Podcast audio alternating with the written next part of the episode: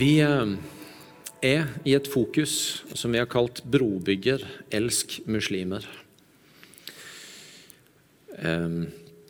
Vi har holdt på i tre uker. Dette er fjerde uke.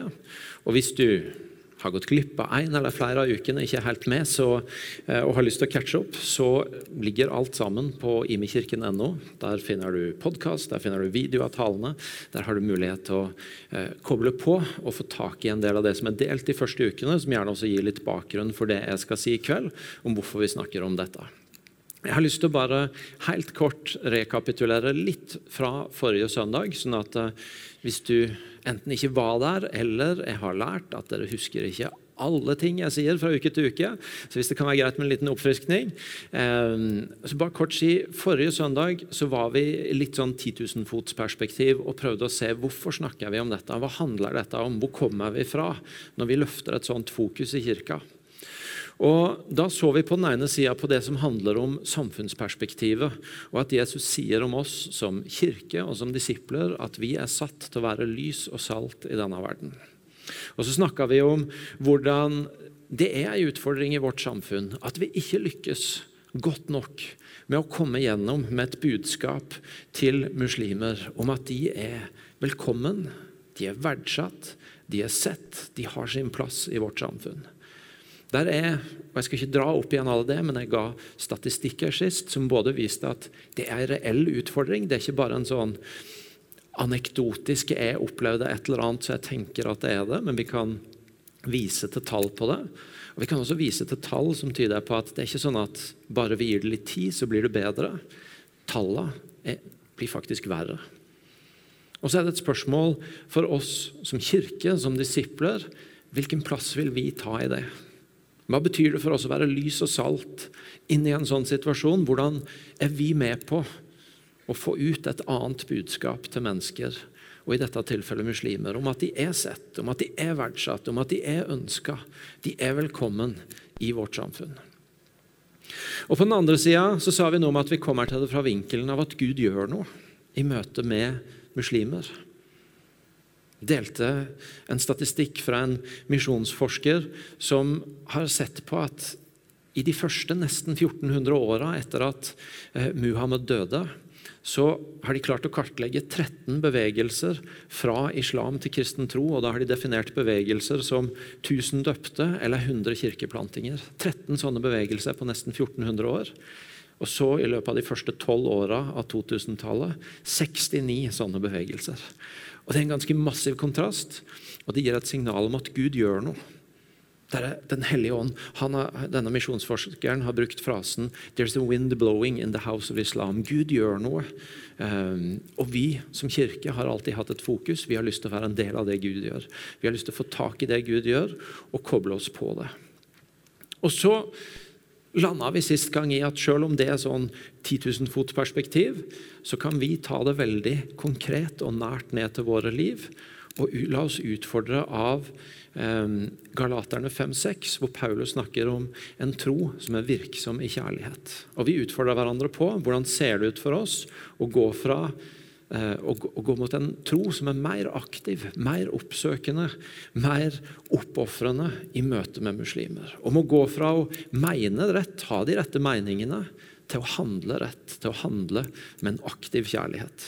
Og Jeg har lyst til å si tusen takk til dere som eh, i løpet av den siste uka faktisk har sendt deg melding og sagt du, jeg jeg blei utfordra. Jeg sendte ei melding til den eller den, kollegaen eller naboen. Eller du, jeg hadde egentlig gitt opp litt den greia der, men, men nå fikk jeg nytt mot å prøve en gang til. Eh, det har kommet noen sånne meldinger denne uka, og det er så oppmuntrende. fordi det, Dette er en prosess for oss. Vi har vært ærlige på det. Det er ikke sånn at vi som står her og formidler, heller er liksom stinne av historier og liv på dette. her. Det er mer en opplevelse av at dette må vi gjøre noe med. Og Derfor er det, vi er i prosess, vi er underveis. Og det er utrolig nydelig å høre at det skjer steg, at folk handler på det. Så hvis det er du neste uke, så er det kjempekjærkomment å høre tilbake fra deg. Om det er til meg eller til noen andre, del det, og del prosessen din. Og så skal vi fortsette litt i dag. og I dag skal vi ikke like høyt opp i lufta. Vi skal prøve å ikke være liksom i 10 000 fot-perspektiv på hvorfor, og alt sånt, men skal prøve å ta det i hvert fall litt ned. Det, sånn som jeg er skrudd sammen, så er det vanskelig for meg å komme helt ned på jorda. Men jeg skal prøve å i hvert fall bli litt mer konkret eh, på noen knagger som vi kanskje kan ta tak i for å eh, og begynne å bevege oss i dette ut fra der vi er, og det som er vår prosess. Vi skal gå inn i én bibelhistorie og så skal vi se på noen sånne knagger som vi kanskje kan gripe fatt i. Men før det så har jeg bare lyst til å også ta en sånn eh, eh, greie som, eh, for å unngå å måtte ta så mange forbehold underveis når jeg snakker. Eh, sa litt om det sist, dette også sist gang, men dette er et litt utfordrende tema å snakke om, fordi at vi er ikke ei gruppe i møte med dette. Og de, forstått som muslimene, er heller ikke ei gruppe. Og Det gjør at eh, det er alle mulige rom for misforståelser. For det første så er ikke vi ei gruppe, fordi at vi har ulikt forhold til dette. Én ting er at for ganske mange av oss vil det gjelde at rent sånn aldersmessig så har vi, har vi vokst opp med ulike erfaringer av dette. E42 Jeg husker når de første kom til min hjemby Tvedestrand eh, i forbindelse med krigen i det gamle Jugoslavia. og Da var jeg sånn i slutten av min ungdomstid, helt sånn på tampen av min tid i hjembyen min. Eh, en del av dere som er eldre enn meg, har kanskje ikke under oppvekst hatt så mange erfaringer av nærkontakter med muslimer. Mange av dere som er yngre, skjønner ikke alltid helt hva vi snakker om når vi står her og snakker om dette, for dere har hatt de eh, rundt dere på skolen og i barnehage og som foreldre og på foreldremøter og alt sånt, og er litt sånn eh, Ja vel, de er jo der. Eh, så eh, vi har sånne ulike tilnærminger. I tillegg så har vi sikkert tatt forskjellige valg i livet som gjør at noen av dere har valgt å komme nær. Dere er i gang. Dere tenker velkommen etter. Mens andre har ikke det, har knapt kjent en muslim, har knapt vært i kontakt eller er langt mindre hatt på besøk. Og I tillegg så har vi ulike meninger. Det er noen av dere Senest på vei inn her så var det noen som sa ja, vi har diskutert så busta føyk i huskirka denne uka. Eh, vi mener forskjellige ting om dette. Om er det dette vi skal gjøre? Er det sånn vi skal snakke om det? Hva skal vi egentlig tenke om, eh, tenke om islam? Og så snakker jo ikke vi egentlig så mye om islam som vi snakker om muslimer som mennesker. Men dere tar poenget. Det er, det er ganske forskjellige utgangspunkt. Og så tror jeg at I møte med det så er det det å si at hvis startpunktet ditt er å begynne å handle på det vi synger i den sangen, om eh, å la folk få erfare fars kjærlighet gjennom et smil og et blikk, så kan du begynne der. Og hvis du er godt i gang, og ikke tenker at ikke alt vi snakker om, føles relevant, for dette er jo livet mitt, så er det for det første tommel opp til det. Og for det andre, da tror jeg også det er noe å utfordre seg av for de som er et stykke på vei på reisen. Og det andre er jo, som jeg sier, at de, i den grad vi skal snakke om de, så er jo ikke det ei gruppe. Selvfølgelig det heller. Det er kjempemasse forskjeller. For det første er det kjempeforskjell på å være kanskje nettopp eller i løpet av de siste åra kommet til Norge, og kanskje som flyktning og med en vanskelig historie på det. Eller å være andre-tredje generasjon som, som, som bo, har bodd i Norge hele livet og har en helt annen tilnærming. Det er masse kulturelle forskjeller. Islam er en religion som strekker seg over et bredt geografisk område. og Masse forskjellige kulturer. Og så er selvfølgelig de like unike som alle andre mennesker i personlighet og i bakgrunn og alt det der. Og Poenget vårt er ikke å liksom stille opp ei gruppe og si at sånn er de.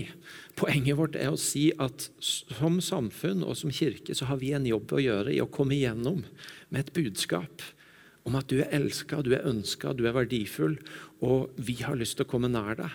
Og det er når vi kommer nær, at vi kommer forbi merkelappene og kan se menneskene. Sånn at eh, det er bare viktig for meg å si, så slipper jeg å liksom, hver gang jeg begynner å bevege meg inn på et eller annet område og begynner å trekke opp masse, alle mulige forbehold. Da vet dere litt hvor vi kommer fra. Og så må vi prøve allikevel å si noe om hvordan kan vi angripe dette. Og Da skal vi i dag se på en tekst i Apostlenes gjerninger 10, hvor det skjer en brobygging. Det bygges ei bro mellom to mennesker som har to ulike utgangspunkt, både i forhold til tro, i forhold til kultur, i forhold til etnisk bakgrunn. Og så bygges der ei bro, og der skjer et møte som får en ganske livsforvandlende karakter. Og Det er møtet mellom Peter og Kornelius. Kornelius, som eh, der står altså at er offiser i den italiske bataljon. Eh, og som eh, vi kan ta med resten av beskrivelsen også, som var en from mann, og både han og hele hans hus hørte til de som frykta Gud. Han ga ofte gaver til de fattige blant jødene og ba stadig til Gud. Så en offiser som ikke er av jødisk bakgrunn, som ikke i utgangspunktet eh, på en måte har, har, blitt født inn i en tro eh, på jødenes gud, men som allikevel har en søken mot har en gudfryktighet. Han ber, han, han gjør gudfryktige ting som er gitt til de fattige. Men han, men han, har en helt annen bakgrunn. Og Så kommer den andre personen på scenen, og det er Peter. Han er jøde. Han er en Jesus-troende jøde som har vært en av Jesus' disipler, som er blitt en apostel i den første kirka, og som, som er rundt og deler evangeliet med andre. Og så I denne historien så får vi på en måte komme inn på begge sider og høre om hva som skjer. Og Det er en såpass lang tekst at jeg skal prøve å ikke bare lese opp alt for dere, for da eh, kan det bli vanskelig å henge med. Jeg skal se om jeg klarer å fortelle litt og lese litt, bare sånn at vi får oppsummert hva historien er. For Historien begynner med at Kornelius, denne offiseren, har et syn. Det står at en dag ved den niende time hadde han et syn. Han så tydelig en Guds engel som kom inn til han og sa, 'Kornelius.' Kornelius stirra på han og sa forferda, Hva vil du, Herre? Engelen svarte, Dine bønner og gaver til de fattige har steget opp til Gud, så han er blitt minna om deg. Nå skal du sende noen menn til Jaffa for å hente en mann ved navn Simon med tilnavnet Peter. Han er gjest hos garveren Simon, som bor i et hus nede ved sjøen. Så Kornelius han, han opplever at en engel kommer til han og snakker til han og sier, 'Gud har sett deg'. Og nå ønsker han å møte deg, og måten det skal skje på, er at du skal tilkalle Peter. Og Så forteller historien videre at Kornelius tilkaller to tjenere, og han ber dem om å gå og oppsøke Peter. Og Så står det at Dagen etter, mens de var underveis og nærma seg Jaffa, så gikk Peter opp på taket for å be. Det var ved den sjette time. Han blei sulten og ville spise, og mens de holdt på å lage maten, kom han i ekstase. Og Så står det at han ser at himmelen åpner seg, og alle jordas dyr kommer ned. Eh, det kommer en duk ned med masse, masse dyr på. Og så, eh, og, så, og så, sier han stemme til han, 'Stå opp, Peter. Slakt og spis.' Og Peter sier, 'Men det kan jeg jo ikke. Jeg har aldri spist noe urent kjøtt. Jeg skal ikke gjøre det nå heller.' Og Så kommer det til svar at det som Gud har sagt er rent, må ikke du kalle ureint. Og Dette skjer tre ganger, og så forsvinner, eller så går synet over. Og mens Peter sitter der og lurer på hva i all verden var det for noe, hva skjedde nå, hvordan skal jeg forstå det, så banker det på døra. Og så kommer det noen og spør etter Peter, eh, og, eh, og, han, eh, og han sier til dem, eller han går ned til dem og så sier han, det er meg dere spør etter. Hvorfor er dere kommet hit? Og Så forklarer de hvem som har sendt dem. Og og, og hvorfor de er kommet. Og Så forteller historien om hvordan han blir med de neste dag til Kornelius. Han kommer inn der, og de faller på kne og begynner å tilbe Peter. Han er litt sånn Nei, nei, nei, jeg er ikke Gud. Opp og stå igjen. Og så er han ærlig på at uh, han sier at dere vet at det ikke er tillatt for en jøde å omgås eller besøke noen fra et annet folk. Men Gud har vist meg at jeg ikke skal kalle noe menneske vanhellig eller urent. Derfor kom jeg da jeg ble budsendt, uten å gjøre innvendinger. Men nå spør jeg hvorfor har dere sendt bud på meg? Og Så forteller jeg Kornelius om synet han har hatt. Og så, med det som bakteppe, så begynner Peter å forkynne om Jesus. Han forteller hvem Jesus er. Og så ser vi at det ender med at de kommer til tro, Den hellige ånd faller over dem, og de blir til og med døpt. Så dette er jo litt av en historie, da. Um, og her skjer det jo masse på en gang. Og jeg tenker at I denne historien så er det en del ting som er mulig for oss å gripe fatt i og hente noen knagger hvis vi skal være med på å være brobyggere. Hvis vi skal være med på, på, på det fokuset og sette i gang, så er det kanskje noen knagger i denne historien som kommer fra begge sider og griper fatt i. For det første, og det mest åpenbare for meg å gripe fatt i her, det er at her skjer det jo mye Hellig ånd-greier på begge sider av bordet. Her er det mye greier på gang på en gang, og de skjer ikke bare ett sted, de skjer flere steder. Der er Kornelius som får syn, og som opplever at en engel kommer og snakker til han. Og det er Peter som kommer i ekstase, og også får syn, som han ikke engang helt forstår. vet hva, Hvordan skal jeg forstå det? Og det slår meg, jeg vet ikke hvordan det er med dere, men Når jeg leser 'Brobygger' og tenker nå skal vi snakke om det, så er mitt instinkt å tenke nå skal jeg ut og bygge bro. Ikke sånn rent fysisk, for det er ikke, jeg er ingen byggmann og praktiker. Men sånn overført så går jeg lett i et modus at nå er det jeg som skal ut og gjøre et eller annet. Og så syns jeg det blir veldig synlig i denne teksten at det er Gud som bygger bro. Det er Gud som bygger bro. Det er Gud som jobber på begge sider av broa. Og I den grad Peter og Kornelius er med på å bygge ei bro, så er det fordi at de er med på det Gud viser dem og leder dem til. De er mottagelige for det, og de blir med på det Gud viser dem og ber dem om å handle på. Og Det tror jeg er greit for oss å få tak i. Hvis vi kan føle oss litt små eller litt usikre eller litt overvelda av å, men hvordan skal dette her brobyggeprosjektet de har begynt å snakke om, i min nå, da, se ut? Ja, så er det greit å begynne med å si at det er ikke sikkert at du skal plassere deg sjøl i sentrum for brobygginga. Men at du kan få lov til å tenke ok, men hvis Gud bygger ei bro på begge sider, så kanskje jeg kan få være med på det. I den grad jeg får være var for det Den hellige ånd gjør og leder til, og blir en del av det. Og det er, syns jeg, et kjempepoeng at Gud jobber på begge sider av broa. For i hvert fall for meg igjen.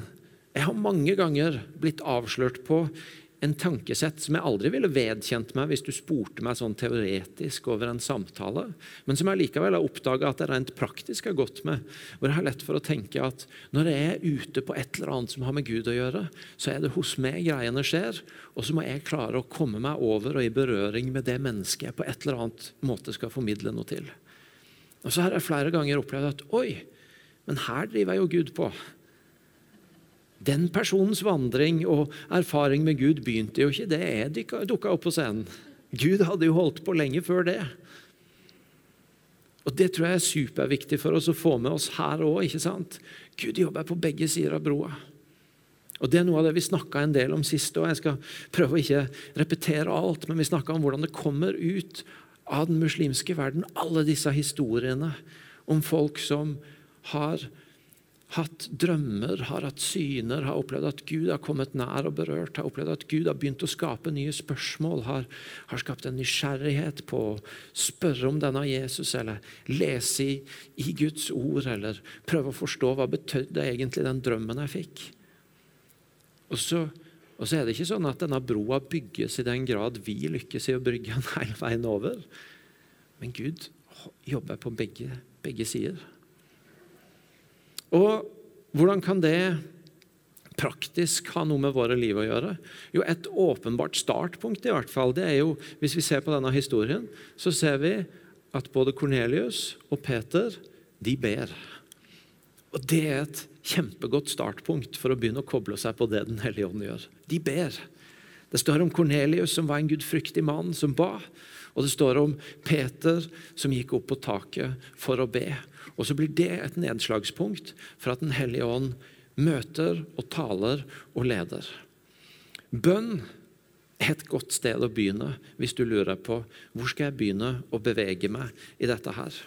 Det var ei dame som hadde opplevd både sjøl å komme til tro på Jesus, og som hadde sett at mange i hennes eh, en, en muslimsk dame som hadde opplevd både sjøl å komme til tro, og opplevd at mange eh, rundt henne gjorde det. Hun var en av disse bevegelsene vi snakka om i stad, levde midt i den. Og Hun ble, er blitt sitert på. Jeg tror at bønnene til mennesker over hele verden har steget opp til himmelen i mange år.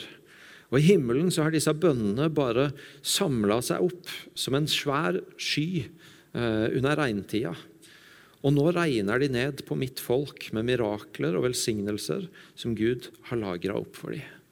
En sånn bekjennelse av at å, her er det mennesker som har bedt i mange år, og nå er det som om det regner ned fra himmelen når disse bønnene har fått samla seg opp. En annen eh, greie som, som, går igjen, det, det, fortelles om hvordan mange av de som har drømmer i den muslimske verden, de, de ser en sånn hvit, lysende skikkelse i en drøm, og så lurer de på hvem var det og så er det faktisk ganske mange vitnesbyrd om at når de har fått en tilgang på en bibel på sitt språk, eller noen har lest for dem fra Matteus 17, hvor det står Seks dager seinere tok Jesus med seg Peter, Jakob og hans bror Johannes og førte de opp på et høyt fjell hvor de var aleine.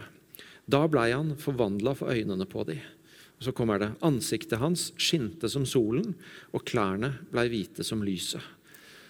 Og så er det ganske mange vitnesbyrd om folk som sier 'Det er jo han!' Det er jo han jeg så i drømmen. Poenget mitt er bare her jobber Den hellige ånd. Og bønn er et punkt for oss til å koble oss på både der Den hellige ånd vil lede oss, og til å fange opp hva er det Den hellige ånd gjør på, om du vil, den andre sida av broa. Så hvis du lurer på hvor skal jeg begynne, så kan et godt sted, godt sted være om å begynne med å be. Gud, gi meg hjertet. Gi meg ditt hjerte for disse menneskene. Hellige Ånd, vis meg hvor du holder på i min virkelighet. Hellige Ånd, vis meg noen første steg, vis meg noen mennesker. Led meg noen steder som gjør at jeg får komme i gang og være med på den broa som du brygger. Bygger, ikke brygger. Ehm. Det andre har med fleksibilitet å gjøre. Det er jo ikke sånn at verken Cornelius eller Peter sitter jo liksom på retreat og lurer på hva skal jeg bruke de neste ti åra av livet mitt på. Kjære Gud, kan du tale? De holder jo på med sine greier. Kornelius er offiser, og han, han, han, har sine greier som pågår. og, eh, og Han søker riktignok Gud, men det er ingenting som tilsier at han er på jakt etter en ny retning på livet. Han, han, er på jakt etter å få tak i mer av Gud, men, men, ellers så har han sin retning. Og Peter, Det siste vi leser om Peter før dette kapittelet kommer, det er at han har vært med på en oppvekking fra en dødeoppvekking. Og like før det masse helbredelser. Peter har nok å holde på med. Han Og han har sin retning. Han er ute på misjon, og han deler evangeliet, og han ser folk helbreda. Og nå har han altså til og med sett en død vekka opp. Peter har ikke behov for å bli leda i noen ny retning. Og Allikevel så lar de seg forstyrre.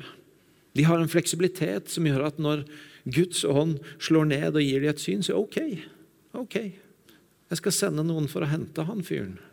OK, jeg skal bli med og gå, gå, gå til den andre byen og se hva det er. De lar seg forstyrre. De, lar seg, eh, de har en fleksibilitet på å bli tatt med i en ny retning. Og det gjør brobygginga mulig. Og jeg tenker at For ganske mange av oss nordmenn i 2021 så utfordrer de greiene der litt. For hvor mye plass har jeg, og hvor mye plass har du i livet ditt til å bli forstyrra? Til å bli tatt av Gud? Litt sånn Oi, ta en sving og gå i en litt annen retning og bli med på noe litt annet enn det du hadde satt deg fore. I møte med noen andre mennesker enn de du hadde tenkt deg at du skulle bruke tida di med. Hvor mange av oss har plass til det? Hvor mange er åpne for det? Der vi har anbefalt å lese særlig første del av denne boka her, i denne serien, til naboer og nasjoner. Forrige uke så snakka jeg om den, men visste ikke hvor den var. Nå har vi funnet den under trappa, så nå er den oppe og til salgs der ute etter gudstjenesten igjen. Eh, og Der skriver hun forfatteren om det å bli mer fleksibel, noe som jeg tenker sikkert ikke treffer alle i rommet, men kanskje treffer en god del av oss. Vestlige mennesker verdsetter punktlighet. Vi forventer at folk møter opp i tide, og vi har en velordnet infrastruktur som støtter denne forventninga. Det gjør det mulig å planlegge noe og forvente at det vil skje til fastlagt tid. Sånn er det ikke i mange andre kulturer. Folk i andre kulturer de skjønner at ting skjer. Oversvømmelser, kø, problemer med toget, bestemor blir syk eller en venn stikker innom på te. Tida som settes som startpunkt for en aktivitet, er bare et anslag Det som er viktig, er å sørge for at alle som skal være der, kommer. Aktiviteten begynner når alle har kommet, uansett om det er mange timer seinere enn først antatt. Ikke sikkert det gjelder alle, men det gjelder i hvert fall meg at jeg blir litt utfordra av det. For jeg kjenner meg igjen i punktligheten og presisjonen og rammene, og at det passer veldig bra. Og så er det noe med å la seg utfordre på hvis vi, hvis vi ønsker å være åpne for at Gud tar oss inn mot mennesker som, som både kanskje ikke naturlig kommer i vår vei, mennesker som kanskje kommer fra en annen kultur, med et annet forhold nettopp til noe av disse. Er vi villige til å finne en fleksibilitet som gjør at det er mulig? Er vi villige til å ha den fleksibiliteten som Peter og Kornelius hadde, som gjorde det mulig for dem å bli med på den broa Gud bygde? Per Arne Dahl har også akkurat skrevet en bok om gjestfrihet. og Der skriver han bl.a.: Noen ganger er den menneskelige trang til frihet så stor at den blir vår verste fiende. Den som alltid gjør det den har lyst til, har snart ikke lyst til det den gjør. Den som fyller livet med oppgaver og plikter uten stans, tapper snart livet for både spenst, forventning og muligheter. Det er en god utfordring å bryne seg litt på. Og jeg tenker, det er en annen knagg å begynne på hvis du lurer på hvor du skal begynne. Ja, Kanskje må jeg lage litt mer plass i livet mitt. Kanskje må jeg lage litt rom for innholdsløs tid hvor jeg kan bli avbrutt, hvor jeg kan ha rom til å stoppe opp for et annet menneske, hvor jeg kan ha rom til å bli med på noe som ikke passer helt inn i min skjema og i min timeplan, hvor alle avtaler skal gå på en time. Fleksibilitet. Tredje knaggen har med gjestfrihet å gjøre. Denne Teksten har selvfølgelig med gjestfrihet å gjøre, men det som er litt viktig å få tak i, er at også her møter vi gjestfriheten på begge sider. Det er ikke sånn at bare Peter er gjestfri. Kornelius er også gjestfri, og Peter tar imot Kornelius sin gjestfrihet. Hvis vi begynner med Peter, så ser vi jo at han får en gjeng fremmede på døra. Og de sier ganske sånn kort og konsist hvorfor de er der. Og så står det uten noe mer betenkningstid så ba Peter dem inn og lot dem bo der som gjester. Han trengte ikke mange første kaffer på et nøytralt sted eller prater over hekken eller et eller annet før han ok, kom inn og bo her da, til i morgen til vi skal gå. Og jeg tenker at Selvfølgelig utfordrer dette fokuset oss på vår vilje til gjestfrihet. På vår vilje til å åpne hjemmet vårt på vår vilje til å være initiativrike i å si 'velkommen inn'. Det er et faktum at det er ganske mange, og selvfølgelig er ikke det begrensa til muslimer, men folk som er nye i vårt land, som kan ha vært her ganske lenge og aldri opplevd å bli invitert hjem av en nordmann. Aldri bli invitert hjem av en nordmann. Jeg har hørt ganske mange sånne historier. Og Da utfordrer det jo oss på gjestfrihet.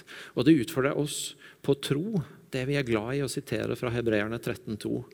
Legg vind på gjestfrihet, for gjennom det har mange hatt engler på besøk uten å sjøl vite det.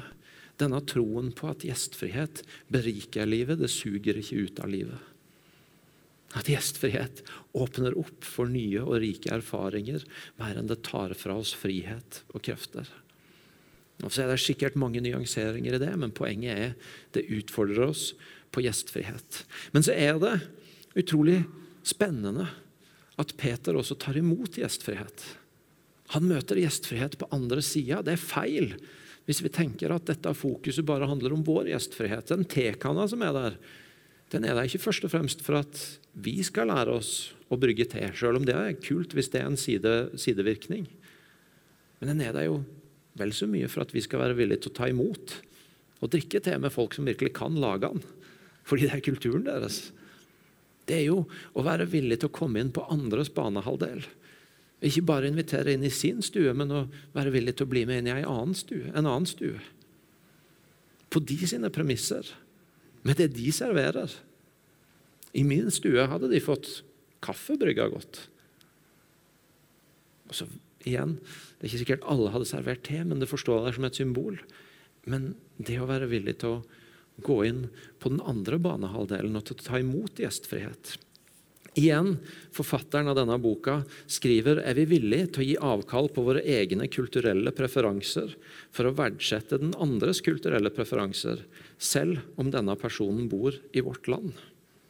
Er vi villige til å ikke ha styringa, til å ikke sette rammene, til å ikke gå etter våre preferanser, men til å ta imot en gjestfrihet på andres premisser og på andres banehalvdel?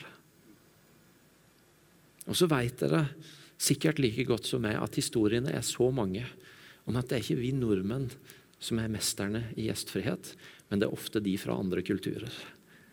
Det er, ikke, det er ikke sikkert det er vi som har så himla mye å lære andre om gjestfrihet, men kanskje kan det å ta imot gjestfrihet lære oss en del om hva gjestfrihet egentlig er. For det er så mange som sier at, eh, at er nettopp i møte med østlige kulturer og folk fra andre kulturer at en virkelig får erfare gjestfrie mennesker, rause mennesker og den åpenheten og fleksibiliteten som vi nå snakker om. Gjestfrihet på begge sider. Kanskje kan det, hvis du lurer på hvor skal jeg begynne, hvor skal jeg ta neste steg, kanskje kan det å la seg utfordre av gjestfriheten både på din egen side og på å ta imot fra den andre, være ett sted å begynne. Hvordan ser det ut å åpne ditt hjem? Hvordan ser det ut å bli med inn i noen andres hjem? Og så er den siste knaggen jeg har lyst til å ta med i dag, det er dette om å være underveis. Fordi i denne brobygginga som skjer i denne teksten, så møter vi to menn som langt fra vet alt om den andre de skal møte, og som, og som ikke har alt på plass og alt forstått før de blir med Den hellige ånd på en reise som leder de til et møtepunkt de ikke har kontroll på. Og Det vil være sånn for en god del av oss at det er ikke det at vi er blitt eksperter verken på eh, muslimsk tro eller på andres kultur i det vi går inn i denne vandringa. Men det er heller ikke det som etterspørres av oss. Men det etterspørres av oss en vilje til å være underveis, en vilje til å være i læremodus, en vilje til å åpne seg opp for noe annet, noe ukjent, og lære mens en går. Det var det er ikke sikkert en historie som er relevant for alle, men det var en historie i denne boka til Per Arne Dahl om gjestfrihet som jeg syns var litt sånn fint illustrasjon på det å være underveis. Og på det å være i læremodus. For Der forteller han om sin mor på over 80 år, som var kjent i nabolaget i en bydel i Oslo som gjestfrihetens mor. Og Så ble helsa hennes skikkelig svekka. Og så må hun begynne å få daglig besøk av hjemmehjelp og hjemmesykepleie. Og de aller fleste av de som kommer, de er ikke etnisk norske. Og så står det at en dag så var Per Arne, sønnen, på besøk. Og så har han litt god tid, så han spør hva tenker du på i dag, mor. Og så står det hun svarte. Jeg er så skamfull over at jeg ikke er like hyggelig overfor de utenlandske hjelperne som jeg er mot de norske. Og så Jeg spurte hun, hva vil du gjøre med det. Mor svarte det må jeg be Gud om tilgivelse for, og så må jeg øve meg på å være hyggelig og takknemlig mot alle som kommer hit for å hjelpe meg. Mor forandra seg og begynte å spørre hvem de ukjente var. Fortell meg hvem du er, sa hun, og fikk overraskende mange gode samtaler. En kvinne som nærma seg 90, klarte å redefinere sitt forhold til andre. Fra å betrakte dem med mistenksomhet og skepsis begynte hun å åpne sitt hjerte for dem. Det er ikke sikkert at du sitter her med mistenksomhet og skepsis og kjenner deg igjen i det. Men det er noe i den historien av å Ok, men jeg er underveis. Jeg har lyst til å lære. Fortell meg hvem du er. Du må ikke kunne forstå alt om muslimsk tro, om islam, for å snakke med en muslim om tro heller. I møtet mellom Peter og Kornelius begynner de ikke å diskutere ulike sider ved troa si. Det Peter gjør, det er at han peker på Jesus. Han forteller hvem Jesus er. Og Du bes ikke om å kunne diskutere forskjellene mellom en kristen tro og en islamsk tro. Men kanskje inviteres du til å være i læremodus og underveis, når det blir naturlig, vel så mye som å diskutere forskjeller, si dette er Jesus. Peke på hvem han er, peke på hvem han er i ditt liv, peke på evangeliefortellingen om han. Og gjennom det ikke primært vinne en diskusjon, men å formidle noe av han du kjenner. Så det er den siste knaggen i dag. Å være underveis, å være i læremodus. Ikke tenke at du må kunne alt, ha alt på plass. Fortell meg hvem du er, fortell meg hva du tror på. Fortell meg hvordan din kultur er, hvordan dere gjør det. Og Så kan det bli utgangspunkt for en vandring hvor en får lære, men man kanskje også får lov til å formidle noe av Jesus. Så Det var mitt fokus for i dag. Et forsøk på å gi oss noen knagger. Bønn, Hellig ånd, fleksibilitet, gjestfrihet og lærevillighet, eller det å være underveis. Og så har vi sagt at Ved siden av det å be og invitere Gud inn til å gjøre noe i vårt eget hjerte, så er en kjempeviktig del av denne reisa det er prosessen, det er samtalene. Så Derfor så har jeg også med meg tre spørsmål i dag til huskirka, eller til familien eller til vennegjengen rundt bordet. Og De tre spørsmålene er Én, har jeg gjort erfaringer siden sist, altså siden forrige uke, av å bevege meg mot ei tro som er virksom i kjærlighet? Og spørsmål to, Når vi snakker om fleksibilitet, gjestfrihet, det å være underveis og Den hellige ånds ledelse, hva er det som treffer du og din situasjon mest? Hva er, for å utdype det spørsmålet, Hvilken knagg vil du gripe fatt i for å komme deg videre i din prosess? Og punkt tre, Har du noen eller noe møtepunkt kommende uke du kan be Den hellige ånd om å lede deg i? Vi snakker om å være brobygger, men det er Gud som bygger broa. Og så er jo du invitert til å være med. Skal vi reise oss opp og be sammen?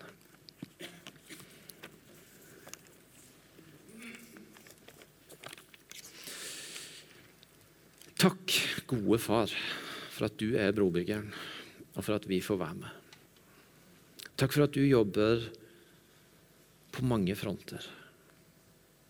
Du jobber i oss med våre hjerter, du ønsker å lede oss, du ønsker å utvide våre hjerter. Og så jobber du hos andre mennesker, og du jobber også konkret blant muslimer og i den muslimske verden. Og vi, vi feirer alle vitnesbyrda om det du gjør. Så bare inviterer vi Deg Hellige Ånd til å ta oss inn i denne prosessen av å bli med på den brobygginga du gjør, og gjøre det konkret for oss. Enten det handler om å starte i bønn, om å vokse i gjestfrihet, om å finne rom for å bli leda og være fleksibel i hverdagen.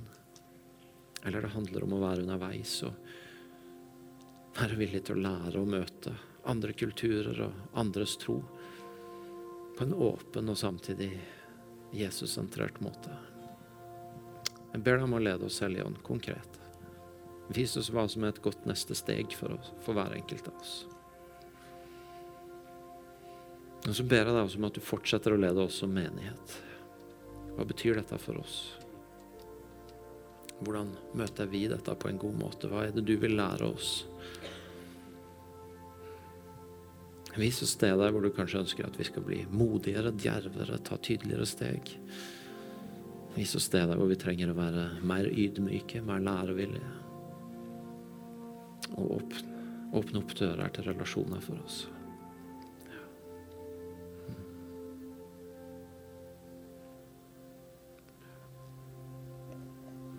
Så vi bare bekjenner Hellige Ånd.